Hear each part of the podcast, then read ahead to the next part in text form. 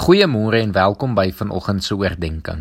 Ons is hierdie week besig om kortliks deur die Bybel se hoofgebeure te gaan om 'n prentjie te vorm van die groter verhaal van die Bybel. Vanoggend staan ons stil by die geskiedenis van Israel en die profetiese boodskap van 'n Messias. Na God in Genesis 12 tot 17 'n verbond met Abraham gesluit het en daar vir hom 'n nageslag gebore is, is die volk Israel gevestig.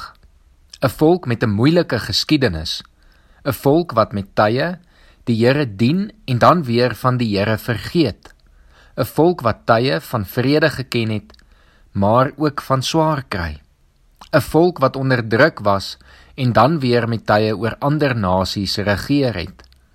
Die hele Ou Testament is 'n storie van voorspoed in tye waar die volk die Here dien en aan hom gehoorsaam is maar dan weer tye waar die volk swaar kry omdat hulle ongehoorsaam was aan God en van hom vergeet het. Hierdie patroon is daar reg deur Israel se geskiedenis teenwoordig.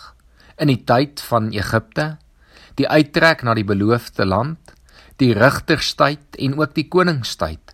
En dit is in hierdie patroon wat ons met ons eie lewens kan vereenselwig. Hoe ons ook met tye die Here met passie dien en ander kere weer amper van hom vergeet. En so besef ons dat Israel se verhaal ook maar ons eie verhaal is. Die storie van die mensdom is die storie van elke mens. Maar dan kom die profete.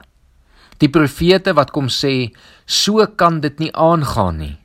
Ons kan nie die Here dien, sondig, jammer sê, offers bring, die Here dien en weer sondig nie. Ons kan nie jaarliks offers moet bring om ons sondes te bedek nie. Ons kort 'n permanente oplossing en dan begin God sy verlossingsplan nog duideliker deur die profete bekend maak. Daar sal 'n Messias gebore word, 'n gesalfde van die Here, wat die sondes van die wêreld op hom sal neem. Hy sal die finale offer wees wat ewige verlossing moontlik sal maak. En so het profeet na profeet begin vertel van die redding wat daar wel vir die wêreld sal wees. Jesaja het byvoorbeeld in Jesaja 7 vers 14 gesê: Die Here sal daarom self vir julle 'n teken gee. 'n Jong vrou sal swanger word en 'n seun in die wêreld bring en sy sal hom Immanuel noem.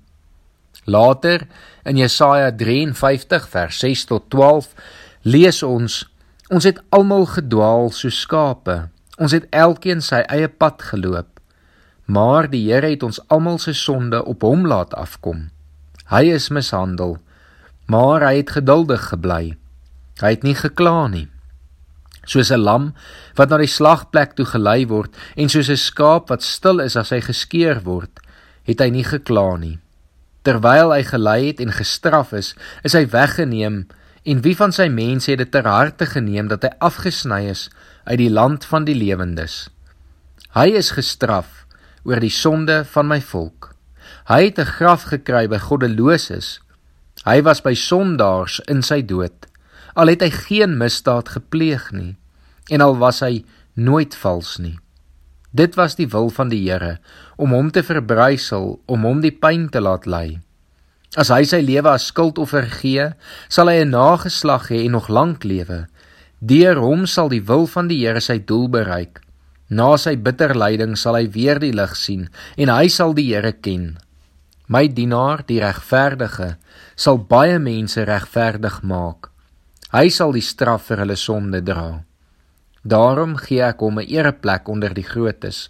Hy sal saam met magtiges die oorwinning vier, omdat hy hom in die dood oorgegee het en as misdadiger beskou is, omdat hy die sondes van baie op hom geneem het en vir oortreders gebid het. En so het elke profeet kom vertel dat God die mensdom sal red en dat die ewige lewe moontlik sal wees deur God wat sy eie seun as offer sal gee. Nou was dit net tyd om te wag dat dit gebeur. Iets wat ons nie altyd aan gewoond is nie, want ons ken al reeds die redding van die Here. Maar verbeel jou vir 'n oomblik hoe dit moes gewees het vir iemand wat iets van God se verlossingsplan beloof is en gesien het, maar dit nog nie ten volle kon ervaar nie. Besef dan hoe bevoorreg ons vandag is om wel God se totale reddingsplan te ken en ook te kan beleef. Kom ons bid saam. Here, ons dank U vir die geskiedenis van Israel. Ons dank U vir al die lesse wat ons uit hulle verhaal kan leer. Ons dank U dat hulle vir eeue in hulle verhouding met U vir ons soveel kosbare dinge oor U in U woord vertel het. Here, en dan kom ons vandag en ons kom dank U vir die profete dat hulle kom vertel het van 'n permanente oplossing. Dat hulle U reddingsplan begin bekend maak het en dat ons dit vandag kan lees en kan weet U het alreeds lank terug besluit om elkeen van ons te kom red. En Here, ons dankie dat ons nie daarvoor hoef te wag nie, maar dat ons dit alreeds kan beleef. Ons bid dit in Jesus Christus se naam alleen. Amen.